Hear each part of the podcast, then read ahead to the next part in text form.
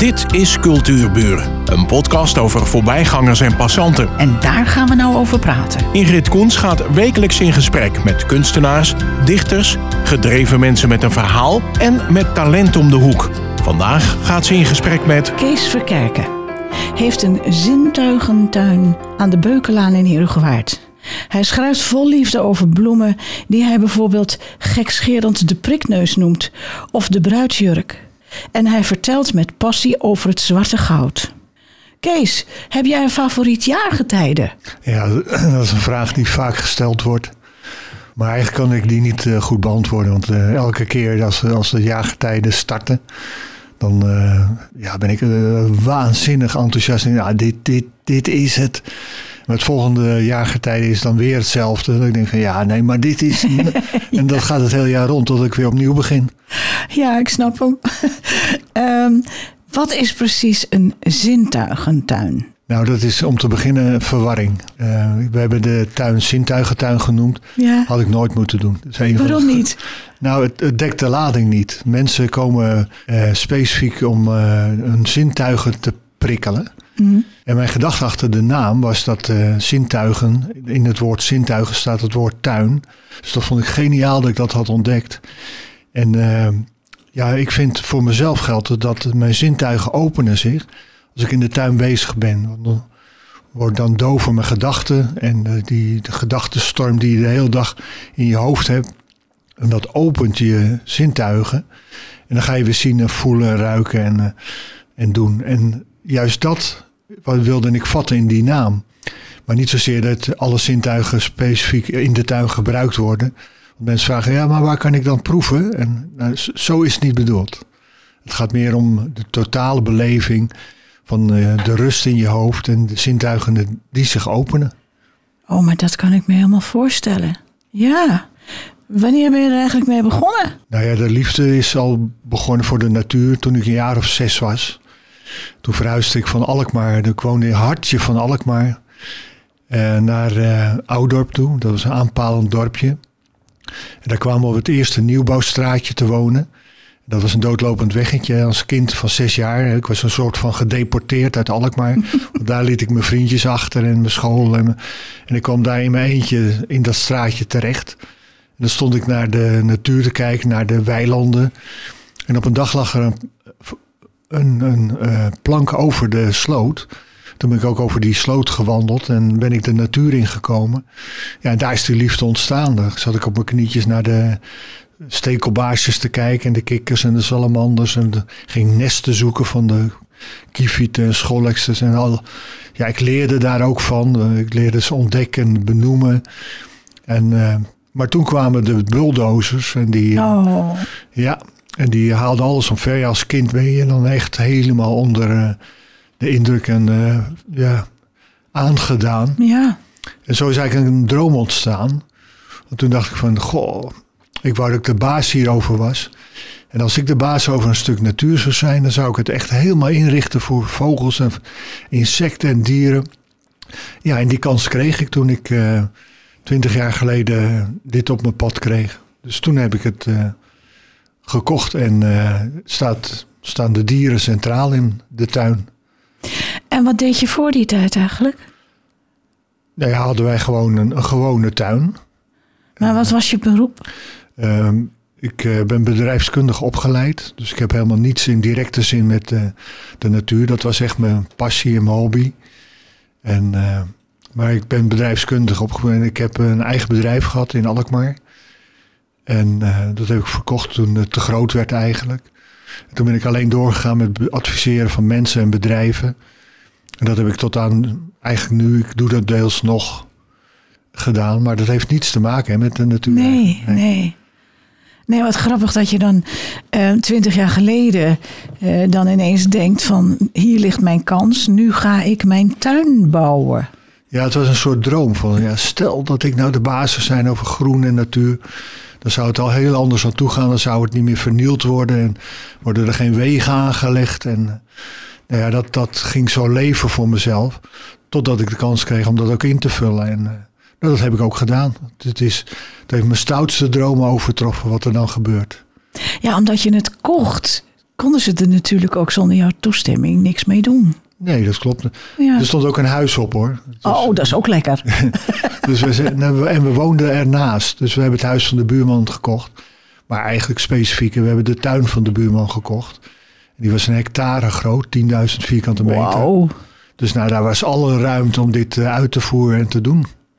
Maar hoe begin je dan, Kees? En wat was het, wat was het grasland? Eh, Nou, het was al tuin. Mijn buurman eh, had daar al een hele mooie tuin ingericht. En wij zijn gewoon... op een hele hectare. Ja, nou, er waren stukken weiland bij. En, eh, en wij zijn gewoon verder gegaan. We zijn eh, daar waar hij gestopt is, zijn wij verder gegaan met het inrichten. En dat wat goed was, hebben we gewoon zo gelaten. En wat eh, beter kon, hebben we veranderd. Ja, Ja, want hoe begin je dan? Hè? Want dan heb jij een plan in je hoofd. ja nee, dat is eigenlijk heel simpel. Het is ruimte geven aan de natuur. En dan probeer je van die tuin zoveel mogelijk leefgemeenschappen te creëren. Waardoor je allemaal verschillende dieren krijgt, insecten. Want als je water hebt, dan krijg je watervogels. Heb je water? Heb Ja, je iets van een vijver en Een zo? enorme vijver. Je hebt een meer. Nou, dat zou, zou je bijna zo kunnen noemen. Ja. Het is een natuurlijke vijver.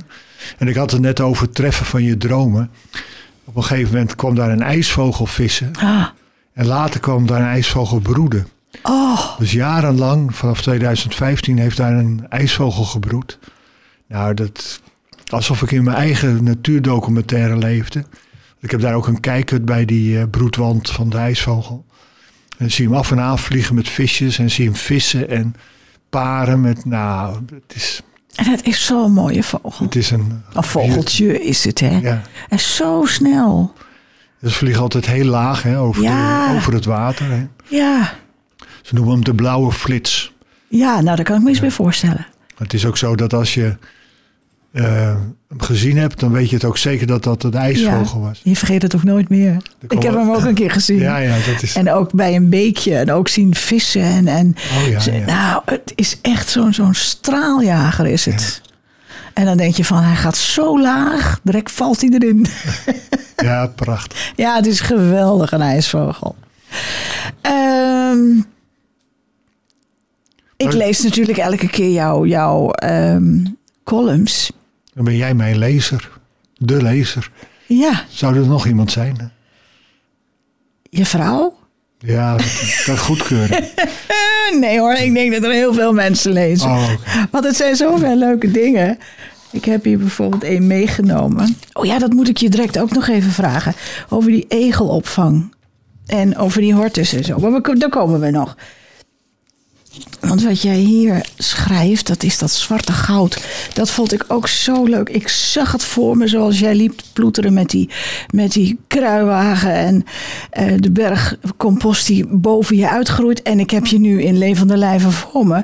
Maar je bent niet klein. dus het moet wel een enorme composthoop Ja, zijn. dat is het hoor. Maar hoe, hoe weet je nou wat er op die composthoop mag? Wat je er wel op mag gooien en niet op mag gooien. Mag je er ook etensresten op gooien? Jawel, maar niet gekookt. Niet gekookt. Nee. Oh, Dus als je Schillen. resten hebt van de, de ui, als je een ui eh, eh, schilt, dan eh, nou ja, hou je wat de stukjes over en dat Mhm. gooi je erop. En een appel. En, eh, maar ge- niet gekookt. Dat is Ah, sowieso om te beginnen. maar ja, een ui is dat niet erg branderig, zeg maar? Ja, dat kan absoluut geen kwaad. Dat het wordt omgezet in compost als je dat laat broeien. Want dat is de gedachte van compost. Je gooit er groen op. En eh, dat dek je af. Ik doe in eh, eind augustus, begin september doe ik een filterdeken over de composthoop. En dan gaat het broeien er binnen. Dat wordt 60 graden soms. Ah, zo heet. Dus alles wat daar is, wordt verteerd. En eh, dat wordt omgezet weer in aarde. En daar zitten voedingsstoffen in. En die gebruik ik weer om over mijn borders te gooien. Zo hou je, behoud je die voedingsstoffen. Maar hoe is het nou mogelijk dat het zo heet wordt? Dat is broeien. Er komt vocht in. En eh, het wordt afgedekt met zo'n filterdeken. Ja. En daaronder gaat het natuurlijk broeien. Ja. Ja, ja, dat is een fantastisch systeem. Zo hoef je ook al niet steeds je groene bak te vullen. Anders zou je natuurlijk met een hectare tuin zou je daar niet eh, klaar mee komen. Dus je gooit nu op een hoop, gooit er een deken overheen. En dat volgende jaar gebruik je dat ook voor eh, voedsel over de borders. Nou, hoe makkelijker kun je het jezelf maken natuurlijk. Ja. En, eh, maar ik neem aan dat die eh, compost ontstaat door de inwerking ook van insecten. insecten. Ja, wormen. Er zijn allerlei beesten in die berg bezig om dat te, te verteren. Ze maken het klein, beesten. Er zitten heel veel wormen in. eh, de, en wat, wat er resteert is dan fijn ver- verpulverd materiaal. Dat is eigenlijk gewoon weer grond. Zwarte grond. En dat noemen we dan het zwarte goud. Hè, want dat is voedingsrijk. kun je weer zo op de borders gooien. En eh, ja, dat zorgt weer dat de planten gaan bloeien. Want die hebben voedingsstoffen nodig. En zo hou je alles eh, in, in een soort kringloop. Het bloeit, sterft af. Verteert weer en dat gaat weer op de borders. En dat, gaat, dat wordt weer gebruikt als voedingsstof om te groeien. Ja, dat is de mooiste recycling die er Ja, is. dat is optimaal. Ja. Maar kun je zo'n hele grote tuin alleen aan? ja, nog wel. Ik vraag me wel eens af van wanneer dat ophoudt. Want het is fysiek natuurlijk wel onderuit de kan. Eh, en aan de ene kant is het natuurlijk prima. Dan hoef ik niet naar de sportschool toe. En, eh, maar goed, aan de andere kant is het soms wel zwaar. Bijvoorbeeld de hagen snoeien. Ik heb heel veel hagen. Nou, dat is echt een beulswerk. En niet alleen snoeien, maar je moet ook weer opruimen. Ja, dat zijn de klussen. Daar ben je echt eh, dagen mee bezig. Maar goed, als je het niet leuk vindt, moet je er niet gaan wonen. Nee, nee, nee, dit is een, een deel van je droom. Ja, zeker. Ja, ik doe het met, ook met plezier. En soms zijn er wel eens momenten dat ik denk van... Oké, dan moet maar weer even. Ja, Maar het is, het is het dan weer waard. Maar Helemaal. moet je luisteren, Kees. Ehm, iemand die misschien luistert. Ehm, eh, kun jij vrijwilligers gebruiken? Eh, wat ik nu gedaan heb is... Een, mijn dochter heeft een familiehuis. En, eh, daar wonen wat kinderen. En ik heb nu sinds kort... dat is heel recent is dat... Laat ik een zo'n jongen helpen in mijn tuin. Dat is hartstikke leuk, want ik leer hem beter kennen. En eh, hij, hij is heerlijk bezig, verdient nog een zakcentje. Dus ik ben daarmee begonnen. Heel voorzichtig met mijn eerste hulp. en eh, hij moet natuurlijk nog heel veel leren. Maar ik merk nu al dat hij, eh, nou, hij kan aanpakken. Dus daar word ik ook weer blij van. En, en dubbelzijdig. Hè. Aan de ene kant je hebt leuk contact met elkaar. Je lacht wat. En, en je werkt. En dat ruimt op. Maar heb je niet in de gaten dat je dan ook die liefde voor natuur en tuin overbrengt? Ja, dat zie je nog niet zo. Nee? Maar vaak zit dat, komt dat later wel aan, aan de oppervlakte. Dat heb ik met mijn kinderen ook. Die eh, mijn middelste dochter, ik heb, ik heb de, we hebben drie dochters. Middelste dochter Iris, die moet natuurlijk ook zo heten, hè, want dat kan natuurlijk niet missen. Nee. Die heeft een eh, tuin en die ging ze helemaal met, met stenen beleggen. Ze zei van, nou, ja, jeetje, ze leven in een tijd dat we juist weer de biodiversiteit moeten eh, creëren. En dan doe je niet door stenen, ja, maar druk. En, eh, maar uiteindelijk, eh, door de tijd heen, verandert ze dat steeds meer in groen. En de laatste heeft ze weer zo'n verandering doorgevoerd. En dacht ik, ja, het zit er toch. Ja. Het duurt even. ze hebben het druk en dat begrijp ik ook wel. Maar het komt er toch uit. En dat is misschien met deze jongen ook. ja, het is een investering op de Ja. toekomst. Ja, ja, ja. Daar kunnen we nog plezier van hebben. Maar ik moet je eerlijk zeggen, ik hoorde ook. eh, toen, ik, toen ik in Herengewaard kwam wonen en als ik wat bro- brood in de tuin gooide. Nou, er zaten er wel veertig mussen. Dat is helemaal weggegaan. Ja, maar ja, ja. ik heb grind. En ehm, de mussen. Nou, de mussen zijn ook een beetje uitgestorven. En toen vroeg ik me af hoe dat kwam. Maar vroeger hadden alle tuintjes een ligusterhaag. En daar zaten die mussen in. Die nestelden erin en die vonden hun voedsel erin en zo. En hun bescherming. En die zijn er niet meer. Dus die mussen hadden ook niets meer om zich te settelen. Ik heb dus allemaal planten gekocht met bomen erin. En op die manier doe ik het in mijn tuin. En ik zie steeds meer vogeltjes terugkomen. Ja, zeker. Zo, dat is het. zo gek. zo simpel werkt dat. Ja. ja. Zo simpel is het.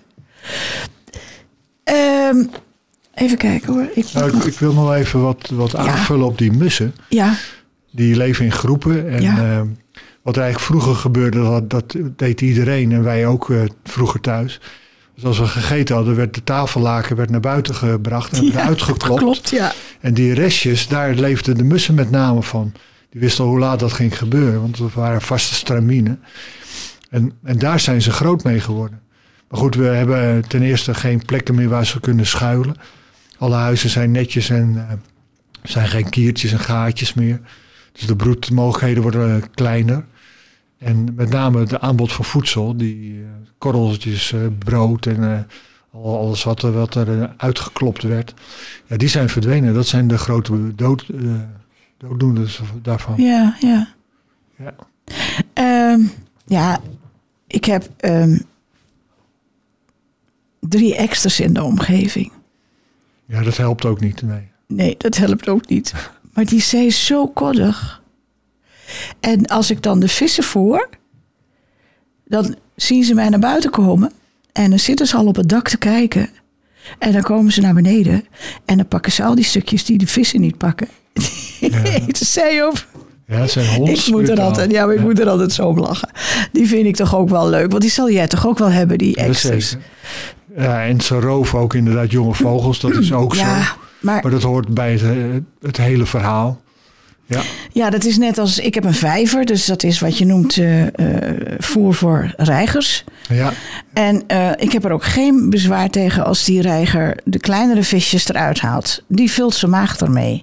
Maar zo'n volgevreten kat die alleen maar die vissen eruit haalt om ermee te spelen, Ja. daar heb ik moeite mee. Dat snap, snap ik. Ja. Ja, katten brengen heel wat ellende teweeg hoor. Ja, Ze, ze zijn inderdaad doorvoed genoeg. En Ja. eh, ja, ze doden allemaal jonge vogeltjes en dieren en spelen er dan mee zonder dat ze de behoefte hebben aan, aan voedsel of zo. Dus ja, dat vind ik nou ook. ligt heel gevoelig, maar ik vind het soms net moordmachines. Ja, ze- er zijn er ook zoveel. ja, ja, Maar dan komen we op die sperwer. Jij hebt een keer een sperwer in je tuin gehad. ja. Nou, dat is geen kleine jongen. Nee, dat is spectaculair als dat gebeurt. En dan hoor je eerst een heel enorm kabaal. Dan denk je wel, wat is er aan de hand? Dan, als ik binnen ben, dan ren ik naar buiten. Want ik hoor dat er paniek is onder alle vogels. En dan zie je daar de sperwer eh, zitten. Vaak op de grond met zijn prooi.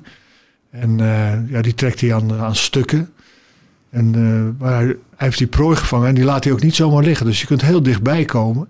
En dat het is wel een heel bijzonder mooie vogel. Maar ja, de keerzijde is dat hij af en toe een eh, duif pakt. En eh, ja, dat hoort bij dat, eh, die cyclus daar van, Van de natuur. ja, van de natuur. Ja, Ja, maar dat, vind ik met die extra's ook. Natuurlijk Ja. pakken ze kleine vogeltjes, maar het is om hun maag te vullen. Precies. Dan vind ik die, die kringloop niet zo heel erg. Nee. Hoe hoog was die, die sperwer nou? Want die zat op de grond. Ja, ik denk dat hij wel 40 centimeter is. Ja, ja, en toen vloog hij weg en dan gaan die vleugels uit. ja. Moet wel een enorme belevenis geweest zijn. ja, Ja. dat is prachtig. Mooier wordt het dan niet meer. Hoor. Nee, Kun je weten, het is gruwelijk, maar het is ook heel erg mooi. Ja, dat is ik, eh, mooi gezegd. ik pak nog eventjes een gewoon... Een, een, oh ja, dat vond ik ook zo'n leuk stukje. Die, die column over de bruidsjurk. Ik kan me niet meer herinneren. De Help mei, even. wat is het, de meiboom? Kan dat? Oh, de meidoorn. Oh, de meidoren, ja. Want het was een venijnige plant, hè? Ja, ja, daar zitten enorme stekels aan. Dat is altijd een... eh, Maar hoe kan je dat dan de bruidsjurk noemen? Dat blijft erin hangen. ja, het is een, een, een, zee van witte bloempjes. Oh ja, ja. Het oogt als een bruidsjurk, ja. En buiten dat, het begint... eh, die bladeren, die, die komen in het voorjaar. Die zijn echt lentegroen, zo mooi. En dan eh, komen de bloemen, die witte, prachtige bloemen. Dat, dat, dat, die bloembladeren waaien dan allemaal aan de voeten. Zie je, heb je zo'n wit tapijt. Ja, En dan komen de bessen. En dan komen de vogels ook weer. Die, eh, vooral specifiek in de winter komen de eh, merels. lijsters. Lijsters, ja. merels, ja. Die komen specifiek voor die bessen. En dan ze met z'n allen dan eh, rispen ze gewoon zo'n boom eventjes leeg. Nou, het is fantastisch. Een boom waar je het hele jaar plezier van hebt. Maar je hebt het ook over die, ehm, die venijnige eh, stekels die erin zitten. Ja, want er moet gesnoeid worden. En dan, eh, Oh, dan kom jij hem tegen. ja, dan ben ik aan de beurt. Ja. Ja, de, de vak zit, eh, van, van, van tuiniers zit vol met gevaar. Ik, ik hoor het. En dan lijkt het allemaal zo mooi. Nou, dat is het ook hoor. Even kijken. Oh ja, dit is ook de. Ik, je hebt een foto erbij geplaatst en het is. eh, nou, het doet mij aan als een. Oh ja, daar ligt die vijver ook op. Eh, Het doet mij aan als een soort kasteeltuin. En dat noem jij structuur en avontuur. Nou, structuur begrijp ik. Maar wat is dan dat avontuur? Nou ja, als je de structuur eh, hebt liggen, de vaste lijnen, kun je daarna natuurlijk de avontuur gaan ontdekken. Want door die structuur krijg je allemaal planten eh, ge- geordend in een rij, maar wel heel veel en daardoor aantrekkelijk. En dan zit je op je knieën en dan komt ineens een egel langs wandelen. Oh, die vind ik zo leuk. Ja, de egels zijn fantastisch. Ja. En eh, ja, dat is het avontuur. Je hoeft je ogen maar open te doen en je zintuigen te openen. En er komt van alles om je heen. Geuren komen langs. En die openen ook weer laadjes in je hoofd. Dat je denkt, oh ja, vroeger. Eh, Want dat is wel waar ik vaak bij terugkom. Die natuurbeleving van vroeger. Hè, als jongetje van zes jaar. Dat zit diep in me. En eh, ja, dat, dat kom ik weer tegen. Dan denk ik van... Het was een tijd waar... Het was een gouden tijd. ja, Waarin je niet door had dat de tijd ooit zou ophouden. en onbezorgd. Ja, je dacht altijd dat alles maar doorging, dat er geen einde aankwam. En eh, op onze leeftijd weten we heel goed dat er alles eindig is. En dat ontneemt al voor een groot gedeelte de, de- de- het plezier. Je denkt van ja, jammer. Ja, maar ja, dan heb je die herinneringen. Die trekken je vaak op. Maar ik begrijp het. Maar er is, er is toch ook zoveel praat over ehm, eh, innerlijke rust en eh, alles een beetje relaxter doen. Maar dat is wat jij vertelt als je een tuin inloopt. Een, een, echt een tuin die zich om je heen vormt. Dat is toch eigenlijk ook therapeutisch? Ja, dat zijn toch zintuigen? Ze hebben ook echt wetenschappelijk onderzoek gedaan naar het effect van de natuur op de mens. En daar is uitgekomen dat dat echt eh, meetbaar is. Dat, dus als mensen veel in de natuur zijn, dat ze daar beter van worden, gezonder van worden. En eh, dat hun lijf tot rust komt. En eh, ja, dat is dat. Het sluit zich om je heen inderdaad. Dat is mooi gezegd. En het opent ook weer nieuwe aspecten in je lijf. Ja. Zo herstellend En je moet, daar- je moet even in jezelf denken. Het is zo belangrijk, merk ik nu ook. Zeker, ja. Ehm, ik had nog een, een, een, een, een brandende vraag. Oh. Heb je er wel eens aan gedacht om een tuinboek te schrijven en dan voorzien van jouw eh, poëtische columns? Heb ik gedaan. Oh, vertel. Ja. Kunnen we het kopen? Nee, dat is helemaal uitverkocht. Wordt het tijd voor, de voor een tweede ja, boek? ja, het zou zomaar kunnen, ja. Ja. Vol met columns. Ja. Ja, want je hebt natuurlijk al een basis. Al die columns die zijn echt zo mooi geschreven. ja, het zou kunnen, maar het is een, een boek maken is niet even zomaar iets. Met je redactie mee en eh, dat, dat weet, vanuit mijn achtergrond, ik heb een boekbinderij gehad, Oh, weet ik dat heel goed eh, hoe dat in elkaar steekt. En, eh, ja, dat, eh, dat laat ik nog even aan me voorbij gaan. Ik ga liever in de tuin zitten. ja. en schrijven. Ja. Ja, even snel nog, want eh, het, het gaat allemaal veel te snel. Ehm, ik zet, zeg even je website www.dezintuigentuin.nl. U staat verbaasd. Ehm, je, je doet iets in die hortus in Alkmaar. Ja, ik geef rondleidingen in de Hortus. Ten- eerste is het een fantastische plek om te zijn daar. Het is overrompelend mooi. Kan je een adres noemen? Het is aan de Beverkoog op een industrieterrein. Maar die is groot. Nou ja, ik denk dat er wel een website bij aanhangt. Hè? Ja, zeker. Ja, Hortus Alkmaar. ja. Wat vroeg je nog meer? Eh, wat ik nog meer heb, er zijn eh, open tuindagen. Ja, En dan zou ik u aan willen raden, hou de, hou de eh, krant in de gaten. En dan heb je ook meer info op de egelopvang. Ik was heel benieuwd wat dat was.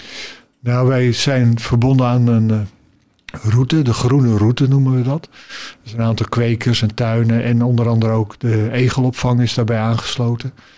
En die komt af en toe, eh, als wij een open tuin houden, of, eh, of een ander van de groene route, komen ze daar staan en lichten mensen voor hoe ze hun tuin moeten inrichten, hoe ze met egels moeten omgaan, hoe ze ze moeten voeden. En dat is een fantastische instantie is dat. En die helpen mensen als ze een egel eh, vinden die gewond is. Die kun je naar hen, hun toe brengen. Oh ja, ja, ja. Of wat een leuke dingen hebben we Ja. toch allemaal om ons heen. Ehm, ik kijk even naar Kenneth Schipper, de tech- techneut. Mag ik één minuut nog? Ehm, geef je ook open tuinen in de winter? Nee, dat doe ik niet. Dat is misschien wel eens een leuk idee, ja. Nou, je het zegt, ga ik doen. Oké. Ja, ja. Mag ik je heel hartelijk bedanken? Graag. Ik heb het graag gedaan. En, uh, ik vind het altijd leuk om, om over mijn tuin te vertellen. Dus uh, je doet mij er ook een plezier mee. Dankjewel. Oké. Dit was Cultuurburen. Een podcast van Ingrid Koens en Streekstad Centraal. Bedankt voor de aandacht en tot de volgende Cultuurburen.